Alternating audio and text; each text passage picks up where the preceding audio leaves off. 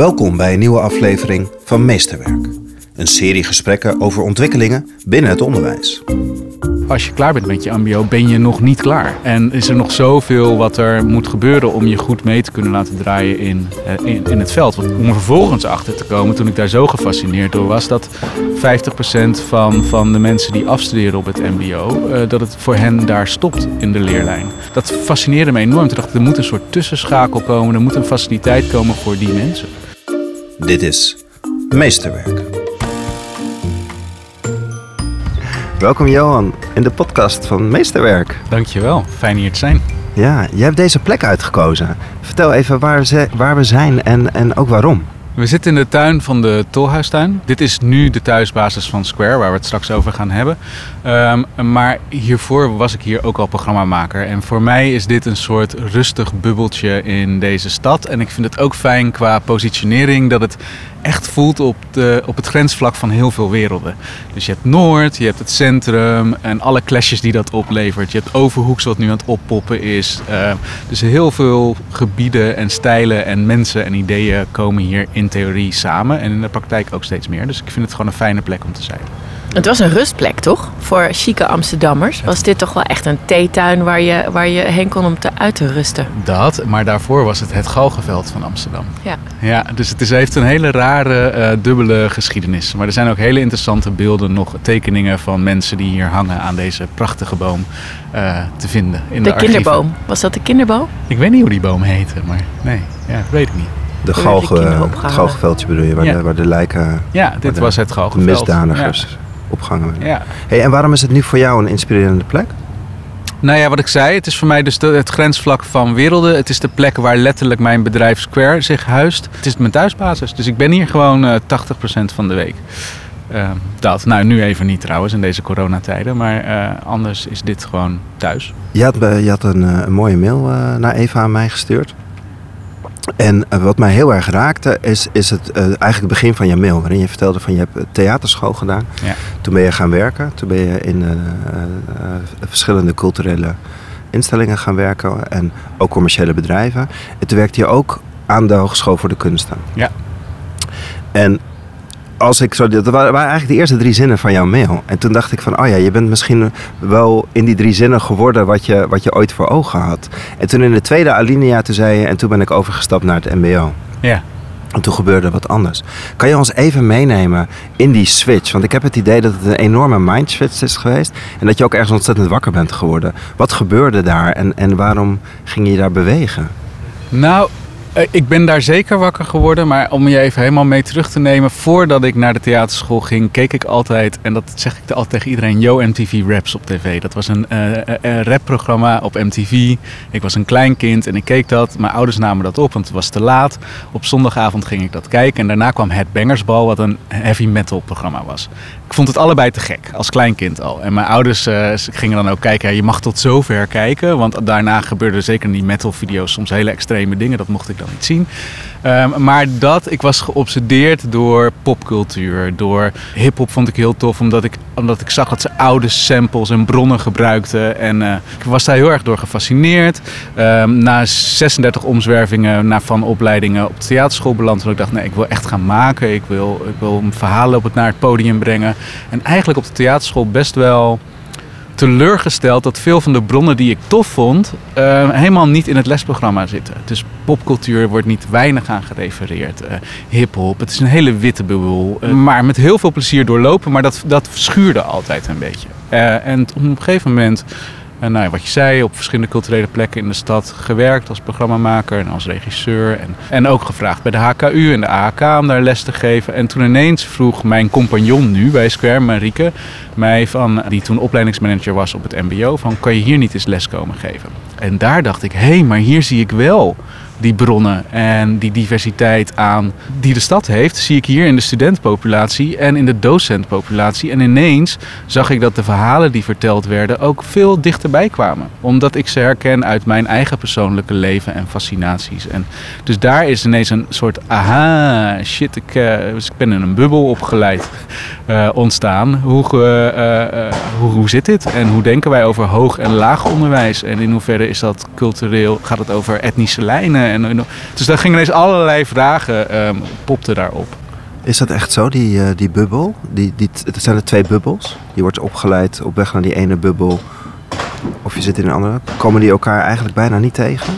Ik, ik weet niet, ik durf nooit, ik vind dat heel tricky om voor groepen te praten en mensen te praten. Ik heb het met terugwerkende kracht wel heel erg als een bubbel eh, ervaren. Ja, en ik ben daar misschien een rare in, omdat ik ook opgegroeid ben in een klein dorp en al heel snel dacht, ik moet hier weg. Dus zo snel mogelijk ging ik naar de grote stad, omdat ik gewoon die, die, die diversiteit essentieel vind in wie ik ben en wat ik doe en hoe we naar elkaar kijken. Dus voor mij heeft, heeft het, het, het eh, VWO, maar daarna ook de HBO's die ik heb gedaan in de universiteit, altijd beklemmend gevoeld. En als beperkt. Ehm, en het MBO bracht daar voor mijn gevoel echt verandering in. Ja, maar dat is ook de tijd geweest dat er veel productiehuizen en, en broedplaatsen waren, toch? Die Zeker. ook juist die probeerden die gaten op te vullen tussen die twee bubbels. Ja, dat is zeker waar. Ik heb zelf ook eh, bij, bij zulke plekken gewerkt. Ik heb bij Made in the Shade gewerkt. ehm, en ik heb bij MC Theater gewerkt. ehm, twee interculturele productiehuizen. En ik denk zeker dat het zo was. Maar ik denk dat de oorsprong daarvan... en daar is MC Theater bracht daar echt wel goede verandering in. Maar eh, de oorsprong daarvan was altijd een politieke. Dus het, was, het stond op de politieke agenda dat het allemaal eh, diverser moest. Dus er zat een soort top-down gehalte aan. Wat ik niet ervoer als ik in het MBO was. Dit was gewoon, die mensen waren daar omdat ze naar school moesten waarschijnlijk. Ehm, maar er zat geen eh, of weinig eh, sturing zeg maar, aan van waarom ze daar waren vanuit hogere hand. Dus, snap je wat ik, wat ik bedoel? Dus Nou, dit niet voelt- helemaal nog wat, wat de politiek. Want, want ik denk, eh, productiehuizen als, als Docs of eh, Made in the Shade, inderdaad, dat zijn toch ook wel echte makers die dat niet per se uit de politieke beweging doen, toch? Nee, maar het feit dat zij een kans kregen was wel een politieke beweging. Eh, dus met Rick van der Ploeg. Dus je zag dat interculturaliteit ineens op de agenda stond. Ja. Ehm, waardoor mensen dat konden pakken. Die plek konden claimen ook voor zichzelf. Maar je zag ook dat op het moment dat er weer begroot werd, het allemaal weer omviel. Het geld ging naar interculturaliteit en niet Ja. naar de makers. Ja. Ja, ja. dus Ah, het mooi. ging, het ging naar iets wat je kon afvinken. En uiteindelijk hebben makers zijn daardoor kunnen gaan vliegen, sommigen. Maar een hele grote deel is ook weer weggevallen nadat het geen politiek item Dat meer geen was. duurzame transitie eh, Nee, tot nee, gevolg. nee. Hey, toen ben je in het MBO gestapt. En wat, wat, wat zag je daar? Wat gebeurde daar? En, en, en waarom voelde jij je daar thuis? Ik voelde daar vooral eh, herkenning. En ik voelde, zag hele gedreven, gedreven makers. Ik zat daar bij diverse opleidingen van music production, van eh, ehm, theater, eh, dans. Dus ik zag alles daar door elkaar lopen. Ehm, en ik zag passie. Ik zag ook mensen die echt noodzaak hadden om een verhaal te vertellen. Omdat zij veel minder eh, een soort klassiek kanon aangeleerd krijgen. Maar echt veel meer uit zichzelf putten in dat wat ze maken. En in die zin ook een beetje losgeweken van het kunstenveld stonden. Maar het was zo puur en het was zo echt en het was zo authentiek dat ik dacht, ja, wauw, dit vind ik heel tof. Ehm, en vervolgens ging ik ze overal waar ik werkte, nam ik ze mee. Dus hier bij de Tolhuistuin probeerde ik ze zoveel mogelijk als stagiaires in te zetten. Eh, of ik ging programma's met ze maken. Of ik ging... En toen kwam ik er ook wel achter van, ah ja, maar als je klaar bent met je MBO, ben je nog niet klaar. En is er nog zoveel wat er moet gebeuren om je goed mee te kunnen laten draaien in, eh, in, in het veld. Wat logisch is, want je bent 20 om er vervolgens achter te komen, toen ik daar zo gefascineerd door was, dat 50% van, van de mensen die afstuderen op het MBO, eh, dat het voor hen daar stopt in de leerlijn. Dat fascineerde me enorm. Toen dacht ik, er moet een soort tussenschakel komen, er moet een faciliteit komen voor die mensen. Wa- Waar ligt hun verlangen? Is het wel doorleren en past het HBO dan niet? Of is het niet, zijn ze eigenlijk op zoek naar, naar een tussenstap? Want als ik naar Square kijk, en daar ga je straks nog wat meer over, over Ja. vertellen, is dat ik ze enorm hongerig zie om, om echt door te leren en, en zichzelf te blijven verbeteren. Is het HBO dan net te, te theoretisch of een verkeerde stap? Of lukt het dan niet? Zitten ze dan weer in het schoolsysteem? wat Waar ik- gaat het mis? Wat ik het meeste hoor is dat ehm, ze voelen dat hun drie of vier jaar praktijkervaring eigenlijk niet erkend wordt. Dus dat je weer op nul begint in het eerste jaar samen met die havist die naast je zit. En vervolgens is de balans theorie en praktijk ook nog eens niet helemaal de, de theorie of de, de, de balans zoals ze die kennen en misschien ook zelfs wel willen. Waardoor het gewoon ja, beklemmend voelt in plaats van verruimend en verdiepend. Nou, het voelt niet als logisch doorpakken. En in het kunstonderwijs is er nog iets aan de hand. Eh, het MBO is veel multidisciplinairder. En kunstonderwijs is heel erg in, discipline, in disciplines opgedeeld. Dus je bent theatermaker en dat houdt dit in. En het MBO, ook door hoe het gewoon is opgetuigd, letterlijk uh, op veel plekken in het land, maar ook de mindset is veel meer van we maken de crossover of ten dienste van en veel minder mijn eigen ei leggen. Maar gewoon ons verhaal vertellen of onze. Zou het HBO daar veel van kunnen leren? Van, van die manier van, van kijken naar studenten? Ja, ik denk dat het HBO uh, heel erg opgetuigd is. Maar goed, ik ken ook maar twee kunstacademies van binnenuit. Hè, uh, waarvan ik ook wel vind dat ze hard aan het zoeken zijn momenteel naar andere en nieuwe vormen.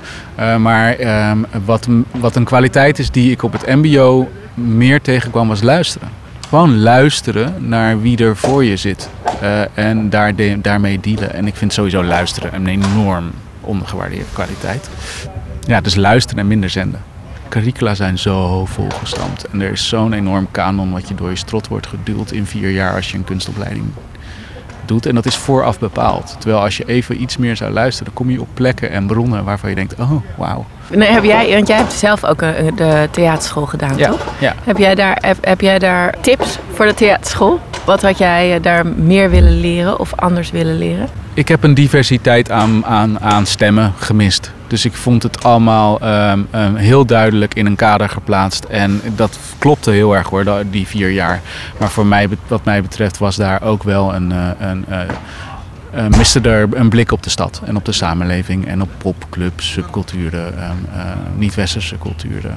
dat mag gewoon diverser wat mij betreft. Maar goed, ik ben ook alweer 13 jaar afgestudeerd. Hè. Dus uh, inmiddels is dat misschien al wel. Nou, het leuke is, je bent natuurlijk met Square begonnen, of in, in gezamenlijkheid gestart. Ja. En dan ga je het opnieuw maken. Dus eigenlijk vind ik het misschien nog wel interessanter, niet zozeer wat je mist op die, op die nee. kunstacademie, maar wat ben je gaan doen met Square? Ja, trouwens, als bijzin voordat ik dat zeg, ik vind ook niet dat er iets mis is per se met het HBO. Hè? Dus nee, nee, dat dus beluister ik ook niet. Ik beluister naast elkaar. Nee, nee, ik, ik, beluister alleen dat het een, uh, een specialisatie eigenlijk is die niet voor de hele brede doelgroep ja. passend is. Ja. Nou ja, Square is een, uh, ik noem het altijd een broedplaats en geen school. Um, het is een broedplaats voor de doorontwikkeling van afgestudeerde, MBO-afgestudeerde creatieve vakmensen. Uh, in de breedste zin van het woord. Uh, wat we doen, we focussen op ons op visual storytelling. Dus dat kan gaan van fotografie tot film, tot animatie, tot illustratie, tot performance art, tot alle disciplines die daaronder hangen, audio engineers. Um, we hebben drie kernpunten: maken, leren, werk genereren. Omdat ik vooral vond dat er een huis moest komen waar ze mochten zijn wie ze zijn. Uh, ze zijn opgeleid tot een baan, maar er zijn helemaal geen banen, maar er is heel veel werk. Uh, maar dat is echt een andere mindset. Dus hoe ga je je verdienmodel optuigen? Hoe zet je jezelf in de markt als ZZP'er? Daar moet echt aandacht voor komen ga, neem mensen, ga naar een goede plek met je klanten. Weet je. Ga niet in je zolderkamer zitten, um, maar heb de goede faciliteiten. Dus dat huis wilde ik hebben voor ze. Uh, en leren, ik was zo gefascineerd door hoeveel kennis en kunde er al zit bij de mensen die afstuderen. En waarvan ik echt dacht, als we jullie dat nou nog eens met elkaar gaan delen, dan zijn al zoveel doorontwikkelambities en vragen zijn gewoon al gecoverd. Dus het is heel erg each one teach one. Ik zoek dit. Misschien kan jij dit mij geven. Laten we samen om tafel. En kijken hoe toch, want helaas heeft ze toch ook het veld geïnteresseerd in. En sommige opdrachtgevers geïnteresseerd om dat stigma MBO niet te hebben en te aantoonbaar te hebben dat iemand op hoger niveau functioneert. Uh, hoe wij wel hoger onderwijs aan kunnen bieden, maar modulair en vanuit de behoeften van de maker. En letterlijk, jullie kunnen ook nu al zoveel. Jullie moeten nu je broek ophouden. Dus hoe ga ik jullie onder de aandacht brengen? Dus we, dus we ook portfolio's hosten. Uh, ze koppelen aan agencies om hen onder de aandacht brengen. En zorgen dat er werk komt. En blijft. Want je merkt dat mensen afstuderen en twee jaar lang wel redelijk werk hebben uit eigen cirkel. Maar dat cirkeltje droogt een keer op en dan houdt het op. Kan je het wat inzichtelijker maken? Kan, ja. Heb je een mooi voorbeeld misschien van een, een leerling of een, uh, van die verschillende pijlers? Kan je het uh, concreet proberen te maken? Ja, nou, we hebben het heel concreet is, we hebben twintig makers in huis. Een maker komt binnen, er is een, we hebben een intake van waar loop jij tegenaan in jouw praktijk um, als startende ondernemer in de, in van de allerlei sector. MBO-opleidingen? Ja, ja, we werken in principe zijn wij gestart vanuit met als, met als, als basis Amsterdam. Omdat we ook vanuit het MBO Agenda Fonds onze eerste uh, grote steun hebben gekregen hier. Dat is lokaal Amsterdam, uh, Amsterdams initiatief. Um, dus in principe hebben wij en zien wij heel veel MBO-studenten ieder jaar. Um, daar kan ik zo wat iets, over vertellen. Um, dus, maar ja, mensen stromen in. Uh, kunnen een intakegesprek doen. Wat zijn jouw ontwikkelbehoeftes als ondernemer? Waar wil jij zijn over een aantal jaar? En welke vakmatige skills mis je daartoe eigenlijk ook nog om daar goed te kunnen komen? Dat inventariseren we en op basis daarvan uh, gaan we met hen en met elkaar kijken: oké, hoe kunnen we dit intern uh, hoe kunnen we jouw modules aanbieden? Dus heel concreet, ik heb behoefte om beter te worden in color grading uh, voor mijn filmpjes. Nou, dan weet ik, oh, maar dan moet, je, dan moet Pim moet echt met Mo gaan praten, want Mo is echt een hele goede color grader. en daar zetten we dan een traject voor uit van, oké, dan moet je zo vaak zoveel zitten. We begeleiden ook die overdracht. Jij moet het gaan overdragen, want jij weet het beter dan ik. maar hoe moet je dat dan doen? Hoe geef je er tips en tricks voor? Ook omdat voor veel ZZP'ers overdracht een goed bijverdienmodel is. Namelijk trainingen geven, cursussen geven. En alle ontwikkelvragen, dus we doen dat zo zeg maar voor al die 20 members. Dus we matchen zoveel mogelijk. Alles wat open ligt, ontwikkelen we modules op. Um, die modules kunnen we certificeren. We zijn een exameninstelling. En, oh, en we vliegen eventueel masters in om, uh, uh, om, om additionele kenniskunde over te brengen. Het is echt maatwerk. Het is het enorm is, maatwerk. Het is maatwerk ook wel echt op die persoon. Hey, je, je, je, vertelt, je begint bij skills. Maar ik, ik krijg een beeld erbij om me heen van helemaal van de entourage en hoe je je presenteert en alles. Dat is echt, je zit echt op die brede vorming van de persoon ook. Ja. Met, met de skills als kern. Ja, en het is zelfs zo erg dat de skills inderdaad zijn de kern. Verder hebben mensen de sleutel en de alarmtech. Het is hun huis. Ook zij doen de communicatie, zij doen de website. Want zij hebben zo'n, een groot deel heeft zo'n trauma van het mbo-onderwijs. Dat ze helemaal niet willen dat dit geassocieerd wordt met een school. Maar gewoon een creatieve plek waar ze komen om zichzelf door te ontwikkelen. Echt een collectief aan makers, een community. Die term komt ook niet van mij, die komt van hen. Ja. Johan, ik heb op het mbo gewerkt. Ja. Dat was een van de grootste uitdagingen ook in mijn leven. Met, met die doelgroep. Überhaupt ze naar een gebouw krijgen überhaupt eigenaarschap geven. Dat zat, zat, niet in het systeem gebakken. Maar hoe heb jij die switch met deze groep gemaakt? Dat zij een tech hebben en zelf verantwoordelijk zijn voor het huis. En ook nog zelf verantwoordelijk zijn voor hun leerpad. Want je legt het bij hen. Ik leg alles bij hen. En dat probeer ik zo goed mogelijk te ondersteunen, faciliteren, te beperken als het uit de hand wat, loopt. Wat is je toverstaf? luisteren. Luisteren. Wat wil jij? En ik kan het je helpen. We kunnen elkaar helpen daar te komen. Maar dan zijn er ook wel een aantal uh, voorwaarden. Um, je gaat zorgvuldig met jouw spullen om, met elkaar spullen om. Ook zoiets, alles is community-based. Ik kan echt wel een pot subsidie vinden om apparatuur in huis te halen. Maar ik zoveel mogelijk, nee, breng je apparatuur hier en we doen het met elkaars apparatuur. Ook weer vanuit die bubbel. Um, um, dat op een HBO kon ik zeggen: Ik wil dit decor zwart. Dan werd het zwart geverfd. En een dag later zei ik: Nee, ik wil dat het paars is. En dan als ik dat goed kon uitleggen, dan werd dat voor me gedaan. Maar dat was totaal niet de praktijk waar ik daarna in kwam. Dus echt heel erg door hun spullen daar te zetten. Door de inrichting aan hen over te laten. Um, door, door echt gewoon een gezamenlijk een plek te bouwen. Voelt het ook. En zijn mensen, ik, het is vaak als ik ochtends aankom. Mensen zitten ook vaak s'nachts te werken. Omdat ze overdag, alle lessen zijn sowieso ook s'avonds. Maar omdat ze overdag ook gewoon bijbaantjes nog hebben is het vaak als ik ochtends binnenkom schoner dan dat toen ik wegging. En is gewoon, het is gewoon echt een zelfregulerend systeem. En kan iedereen bij Square? Nee, um, helaas um, niet. Wat, wat heb je nodig? Wat moet je zijn? Een heel heldere ontwikkelambitie. Uh, dus je moet weten waar je heen wil. Je moet weten dat je ook iets in je rugzakje hebt wat je kan overdragen. En dat moet je ook leuk vinden. Je moet het ook belangrijk vinden en het belang inzien uh, van kennisdeling. Um, en heel praktisch, uh, wij zijn, mensen betalen niet om bij ons, ze betalen geen lesgeld, wij betalen hen. Dus onze middelen zijn ook beperkt. Dus we moeten ergens zeggen, nou, zoveel mensen kunnen we nu hebben. En dat aantal staat op 35 nu. Want wat is jullie model? Wat, uh, hoe, hoe, betaal je hen? Momenteel is ongeveer 65% komt uit subsidies. De komende jaar zal het ongeveer 50% zijn. Daarvan is de gemeente Amsterdam een hele grote uh, steun. Um, dus we hebben heel veel support omdat zij zien wat we doen en dat waarderen. En ook niet zien als een creatief iets, maar ook bijvoorbeeld. Jullie ontwikkelen eigenlijk ook een model voor de ZZP-economie. Uh, dat maak, leer, werk, genereer model is ook interessant voor andere sectoren. Dus we hebben heel goed met onderwijs en met economische zaken lijntjes. Um, en daarnaast projectsubsidies, dus Fonds 21, VSB um, en GAK, die heel erg ziet, die we hebben benaderd van Heel veel geld gaat naar het toewerken naar banen. Maar er zijn heel veel mensen die niet eens op de arbeidsmarkt komen. Of, uh, of daar kunnen overleven. Wat nou als we, als we daar eens een model voor ontwikkelen. Dus die helpen ons ook enorm. Overige percentage komt uit de dienst die wij leveren vanuit de agency kant. Dus daar verdienen we iets op. Dus de makers, uh, opdrachtgevers. opdrachtgevers. Uh, de, iedere maker verdient gewoon een marktconform tarief, maar wij... Is dat iets wat je kunt vergroten? Waar, waarvan op een gegeven moment het grootste deel van je inkomsten juist uit de uh, markt komt of van opdrachtgevers? Nee, nee dat, dat, wil ik niet. Ik wil, bedoel, ik wil het totaalpercentage wel vergroten. Dus ik wil wel dat het, dat het op 50-50, we willen dat het op 50-50 uit gaat komen ongeveer.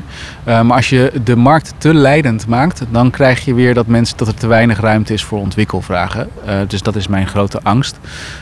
aan de andere kant, we hebben nog een tak in Square, de Learning Hub wordt misschien verwarrend als ik daar nu iets over ga vertellen, maar kan misschien op een ander moment een keer. Daarmee doen we diensten, delen we kennis met het onderwijs, dus met het hoger onderwijs. Werken we voor het hoger onderwijs en nu iets voor de HKU aan doen. Dat levert en dat doen we gewoon voor marktconforme tarieven. Uh, dat, die, dat deel van, de, van, van Square kan wel nog groeien en daar kan er wel meer inkomsten En dan word je ingehuurd eigenlijk door door een hogeschool om modules te komen geven of onderdelen van het curriculum in te richten? Dat, dat kan, uh, ja. Uh, maar ook om uh, te sparren over hoe gaan we de leerlijn voor vakmensen nou beter aan laten sluiten op die mbo-doelgroep. Dus hoe zorgen we dat mensen ons nou, niet per definitie aan de kant zetten. Of niet, niet eens denken, hm, dit is niet voor mij. Maar gewoon, wat heeft, die, wat heeft die vakman nodig in zijn verdere ontwikkeling? Dus je ziet dat onderwijsland heel erg uh, aan mee aan het bewegen is. En, mee, uh, en open staat voor wat we te vertellen hebben. En, en uh, wat we hier aan het proberen zijn. Want het is ook allemaal maar piloten en doen. Ja, en, hey, en wie komen er bij jullie met opdrachten? Um, dat is heel divers. Um, de grote pijler of de grote verbinder is dat het heel erg lifestyle brands zijn of culturele instellingen. Um, dus heel erg die, de diversiteit van Amsterdam weer spiegeld willen zien in hun producten. Um, dat gaat van makers die voor ons nu voor uh, Ronnie Flex bezig zijn geweest om een videoclip animatie te maken. Tot aan toneelgroep Amsterdam die nu zegt we willen een poster, of ITA tegenwoordig Internationaal Theater Amsterdam. Uh, die een poster willen voor een nieuwe voorstelling uh, met een net even iets jongere signatuur. Hoe tevreden zijn ze dan over die producten? Want wat, vraag je van hun terug? Vraag je van hun ook terug ruimte en rust en meer feedback meer gesprek bijvoorbeeld? Of betrek je ze meer? Of is het voor hun, zijn jullie echt gewoon, uh, de, zijn een opdrachtgever, jullie zijn de klant en jullie doen dit intern? Ja, ik, in die zin op dat vlak positioneer ik onze, onze uh, vakmensen helemaal niet als lerend. Um, ik match je ook niet als ik niet weet dat je niet goed bent in die skill. Dus het gaat mij er echt om juist om, om hen in hun kracht te tonen. En dat die kracht volgend jaar een breder palet is dan nu, dan gaan we je volgend jaar breder in kunnen zetten. Maar nu zet ik je in op je kracht en niet als lerend en niet als student. Uh, en ook gewoon volgens een marktconform tarief. Juist ook om te doen, ah, mbo'tjes. Nee, hoezo? Het zijn gewoon hele goede mensen. En hoe lang blijf je bij Square voordat je uitvliegt? In principe is, uh, mag je tot je 35ste blijven. We geloven heel erg in je leven lang doorontwikkelen. Alleen maar gedurende twee jaar staan jouw ontwikkelvragen centraal. Dus dat betekent dat die kern van 20, de, uh, of nu 20, straks 35 vanaf september, die, ontwikkelvragen, daar ontwikkelen we een heel programma over. Uh, voor. Van dus trainingen en modules enzovoort. Maar iedereen die daar ooit daarvoor was, die kan die programma's wel blijven volgen. Uh, en je kunt wel naar dat huis blijven komen. Alleen jij, jouw ontwikkelvragen staan niet meer centraal. En je alarmtag lever je ook in, snap je? Dus het wordt zeg maar, je hebt gewoon per ja, dus altijd een core groep en dan de extended family eromheen. Ja, precies. En dat, dat, die zijn ook deel van de community. Dat ja. kun je lang blijven. Daar, ja, ja, en die kun je weer inzetten als master of als begeleider. En gebeurt dat ook? Wordt het echt een cir circulaire economie eigenlijk ja. binnenin? Ja. Gaan zij ook weer die, die jongere generatie helpen? Ja, uh, ja zeker. En uh, je ziet ook dat ze netwerk, en, uh, netwerk delen. Dus dat ze op een gegeven moment zo zijn, ja, deze klus had ik vorig jaar heel leuk gevonden. Maar ja, eigenlijk nu niet, want ik ben al, ja, ik kan een, ik kan een stap verder of ik wil nu meer art direction doen in plaats van op de uitvoering zitten. Nou, dan geef ik hem aan die. Dus je ziet dat het uh, ook uh, waar we werken met agencies, dat je ook nu wel ziet dat mensen elkaar werk gaan toespelen. Ik voel me een beetje bezwaard, het knip ik eruit. Maar wij stonden net op jou te wachten even. En toen vertelde ik over Jan Brands en het boek gevormd en vervormd. En over Bista en drie bollen. Ja. en de kwalificatie, socialisatie en persoonsvorming, dat die bij elkaar moeten zitten. Toen zat ik jou dat uit te leggen. En jij zit nu gewoon te vertellen dat je het doet. Ja, en Bista is voor mij ook heel, uh, een heel belangrijke je had me net wel even bron heel koud mogen slaan. Ja, precies. Nee hoor, nee hoor. Nee, maar nee, Bista is... We hebben, we hebben bijvoorbeeld nu een module didactiek ook lopen. Um, um, nou, nu loopt nu, die is nu afgerond, maar die hadden we dit jaar lopen. En op niveau 5, dus gewoon hoger onderwijsniveau. daar was Bista was de bron daarvan. Hoe voed jij jezelf? Zelf en wat vraagt het van jou om dit goed te doen? Zij voeden mij. Ehm, dus het is vooral heel veel luisteren en heel veel meegaan naar de dingen waar die zij tof vinden. En dan bedoel ik niet letterlijk dat, ik, dat, dat opa daar heel tijd bij zit. Wat Want ik- hoor je? Wat, wat zei je? Wat beluister je? Ehm, dat er zoveel. Ik was nou laatst in de, in de bannen beland in een, in een kelderbox. eh, waar mensen music production zaten te doen. Eh, zaten gewoon eh, hele toffe beats te maken. En daar was gewoon weer een hele nieuwe wereld ging daar voor me open. En daar ga ik aan op. Dat ik denk, oh ja, maar die mensen, waar zitten ze nu? En gretig blijven. En hoe verhoud je dan tot het, tot het systeem en, eh, en de maatschappelijke vraagstukken die op je afkomen? Ik denk door heel open en transparant en hopelijk met passie te blijven vertellen. En Marieke, mijn compagnon, die kan dat ook fantastisch. Wat we doen en waarom we het doen. En het is een groot verhaal en het is soms heel ingewikkeld en best lastig te vatten.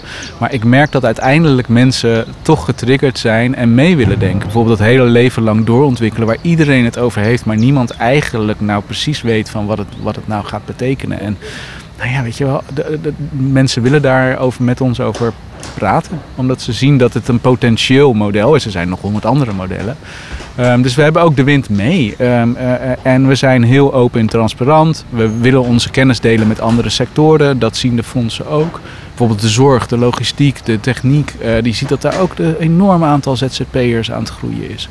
Ehm, dat hele model wat we hebben is potentieel ook interessant voor daar. Dus het is heel erg open en vragend en naar, naar fondsen toestappen en naar gemeentes toestappen en naar bedrijven. En dan ben ik wel benieuwd hoe jij je daartoe verhoudt. Want als ik even, ik kom dan uit het onderwijs, daar zijn Ja. diploma's dan ontzettend belangrijk. Maar dat Ja. zijn ankerpunten om aan te tonen van hé, hey, daar sta ik. Mm. Er zijn heel veel scholen en instellingen die zijn overgestapt op portfolio's. Ja. Hoe kan jij aantonen met je members wat hun ankerpunten zijn? Is dat vanuit het portfolio? Is dat vanuit wie ze zijn? Of hoe kan je dat stuk nou ook naar de buitenwereld tonen? Wat is dan de etalage? Wat, Eh, nou, letterlijk is dat het, de ontwikkeling van het portfolio. Ehm, de, dus ook, dus zij beginnen, zeg maar, iedereen heeft een portfolio online met daarin hun werk. Eh, als je heel scherp zou willen zijn als, als bezoeker en als opdrachtgever, kan je dat dus zien groeien in de, in de loop der jaren. Aan de andere kant, voor de makers zelf en voor ons ook zichtbaar, zit daar een heel digitale wereld achter waarin we doelen stellen. Die doelen stellen, je ziet in hoeverre ten opzichte van die doelen bent. Je krijgt notificaties eh, als je denkt, hé, hey, maar nu, nu staat dit al wel heel lang stil. Wil je niet eens met iemand hierover praten? Ehm, dus er zit een hele online wereld achter de website verborgen, die overigens niet iedereen gebruikt. Sterker nog, mensen zijn daar helemaal niet zo heel erg mee bezig. het is Dat- ontwikkelingsgericht. Ja, het is heel erg ontwikkelingsgericht. En technisch gezien, als het, als het gecertificeerd is, dus zo'n module didactiek, daar krijg je gewoon eh, eh, een certificaat op HBO-niveau voor. Ja, dan moet je ook wel echt voldoen aan, eh, aan voorafgestelde en goedgekeurde exameneisen. Dus het is niet vrijblijvend. Überhaupt Square is helemaal niet vrijblijvend. We eisen wel een aanwezigheid en we eisen. eh, we, we hebben kwaliteitseisen. We hebben, we, we- en dat vind ik het allerleukste is naar eh, hoe zorg je dat kennis die al bij mensen is, ook vali- gevalideerd is en waarde krijgt. Mijn grootste uitdaging voor de komende jaren is weer nu dat we eigenlijk dus toch, toch een soort van twee sporenbeleid hebben, want we hebben die modules. Eh, maar die modules die, die, die ontwikkel je. Maar eigenlijk op het moment dat je die ontwikkeld hebt, want voor een module moet je hetzelfde eh, validatieproces door als voor een vierjarige opleiding. Het is totaal niet wendbaar. Dus op het moment dat de vragen zeg maar actueel zijn, ontwikkel je iets. Nou, tegen de tijd dat je dat gecertificeerd kunt geven, hebben zij al 36 YouTube tutorials gedaan en denken ze, nou, laat maar. Wat mij nu de uitdaging is, is hoe we dat Each One Teach One programma en zeg maar het hele pakket van twee jaar bijvoorbeeld als een associate degree kunnen laten valideren. Maar dat is dus de- het volgende wat we aan het kneden zijn op allerlei vlakken van wat is nou de waarde van kennisoverdracht eh, tussen peers?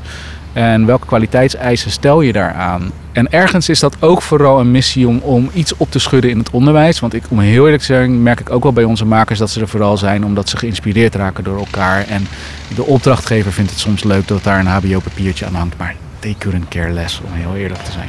Nee. En in hoeverre spelen zij de members een rol in het, in het ook het va- gevalideerd krijgen van zo'n programma of het ontwerpen van hun eigen programma? Ja, uh, het ontwerpen, nou, zeg maar de achterkant, daar, daar vermoeien we ze niet mee. Dus zeg maar uh, alle, hoe we de kwalificatiedossier dichttimmeren en zo, dat, dat niet. Maar ze zijn de bron van de inhoud. Dus hun ontwikkelvragen, op basis daarvan gaan wij een programma samenstellen. Um, en we sparren met hen van, oké, dit is nu de kant waar deze module op gaat. Heb je hier, hou, ga jij hier voldoende uithalen of niet? Wat zou je heel graag de komende jaren nog met Square willen bereiken? Ik zou. Uh, nou, we hebben een Pay It Forward programma. Waarbij, al, waarbij onze makers al naar alle afstudeerders gaan. Um, of alle afstudeerders van de creatieve vakopleidingen in Amsterdam op het MBO-niveau kunnen zich daarvoor intekenen. Dus plek voor 200, um, want anders kunnen we het gewoon niet aan. Um, ik zou dat programma heel erg willen uitbreiden. omdat ik het heel mooi vind hoe. Um, onze makers en hun kennis en skills al van zo'n waarde is voor afstudeerders. Daar gaan deurtjes open op het moment dat zij gaan praten. Zo van, oh, maar uh, uh, oh ja, dat heb ik nooit op school gehoord dat ik hier rekening mee moet houden als ik straks ineens als ZZP'er in het veld sta. Uh, maar ook, we hebben een voucher systeem, dus alle afstudeerders krijgen vouchers, kunnen bij ons al skills trainingen komen volgen. dus ik zou die verbinding tussen het bestaande MBO en ons als als aanjager, als ontwikkelaar van content, uh, die, die, dat zou ik heel mooi vinden als dat, als dat nog groter en steviger wordt. En als dat echt groeit, zodat je ook snel ziet, um, oh, dit zijn hele goede mensen om in de gaten te houden. Ik vind het echt een heel inspirerend van, mijn hoofd staat aan. Ja, lekker. Ja. Voor, voor, voor, de leraaropleiding hebben we natuurlijk hetzelfde. We hebben hele goede mbo'ers die die stap naar het hbo gewoon niet kunnen maken. Omdat het dan heel theoretisch wordt. Maar die hebben potverdomme ontzettend veel talent. En dan, en, en dan zitten ze ineens aan hun plafond en dan zit het ook ergens vast. Terwijl je kan gewoon stappen maken om, om toch door te ontwikkelen. Maar dan moet je allemaal door zo'n systeem. Ik vind het echt heel inspirerend. Nou ja, wat je bij ons nu ziet, en dat vind ik een groot compliment, um, is dat eigenlijk het hele MBO-ding intern onder de maakcommunity helemaal geen gespreksonderwerp is. En dat je ook ziet dat er HBO'ers zitten en autodidacten die aan willen sluiten. Waarvan ik wel zeg, de, onze vijver blijft dat MBO. Maar ik geloof ook weer niet om het helemaal hermetisch te houden. Want dan ga je eigenlijk weer zeggen, je hebt verschillende levels. Dus, ja, ga je een eigen bubbel maken. Ja, ja. dus wij zeggen nu 60% komt uit die bron. Dat kan heel natuurlijk doordat wij altijd uh, op dat MBO ook zitten met workshops en trainingen. En de rest, ja, weet je, als jij voelt dat jij hier nu moet zijn om jezelf ook door te ontwikkelen, laten we praten. Dus MBO staat ook nergens op onze website, want die wordt gemaakt door onze makers. Het staat nergens op onze Instagram. Het is namelijk niet, het is de achterkant. Het is waar ze vandaan komen. Het is waar, maar het is niet, het is niet uh, uh, een belangrijk label in de positionering. Zeg. Nee, juist helemaal niet. Dat is zo mooi eraan. Ja. Het is weg. Ja, ja, het is weg. Nou, ik, dat luisteren vind ik wel fascinerend. Heb jij, kun je ons misschien iets, iets nog uh, geven om, om naar te luisteren? Misschien een mooi voorbeeld of wat dat luisteren dan doet, zeg maar, waar door te luisteren naar een, naar, een, naar een member, hoe je hem of haar verder kan brengen? Ik geloof heel erg in het moeten uitleggen van dat wat je doet en hoe je dat doet. En dat ook laten zien. En even dat de ander alleen daar even naar mag kijken en nog even niet op reageren. Dat dat voor de maker heel erg zorgt dat hij grip krijgt over dat wat hij doet. Dat hij het ineens snapt doordat hij het een keer hardop uitnoemt. Dat hij daar veel krachtiger in zijn skills komt te staan. Um, doordat hij het heeft over moeten uitleggen. Dus dat het vanuit onderbuik ook naar het hoofd is gegaan. En dat daar, daarmee creëer je ook een soort ownership.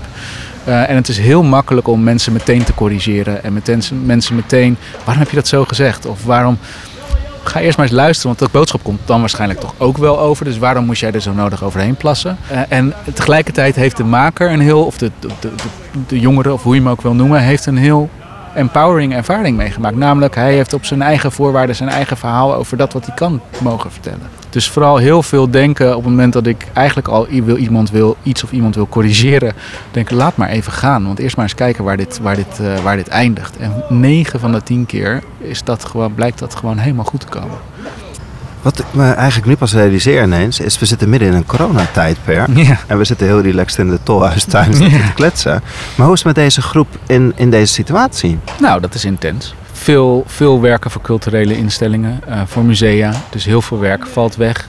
Uh, mensen voelen zich geïsoleerd. Dus alles, al onze coachingsgesprekken, al onze lesprogramma's zijn allemaal verplaatst naar, naar online ook daar worden mensen, uh, zijn daarin zoekende, omdat alles online is. Nou, hoe, hoe, hoe hou ik mijn hoofd in orde? Weet je wel, dus is ook weer op een andere manier verwerk je die impulsen. Dus uh, ja, dit is een voortdurend gesprek onderling van oef, uh, ja, hoe, hoe, blijven we elkaar vinden en hoe geven we elkaar ook weer genoeg ruimte. Lukt dat en, contact? Ja, dat gaat eigenlijk heel goed.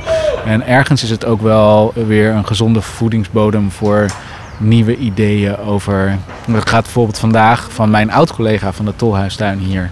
Uh, een, een, platform online dat heet Pakket. Um, daar waarbij um, gerenommeerde artiesten uh, een pakketje van hun inspiratiebronnen samenstellen.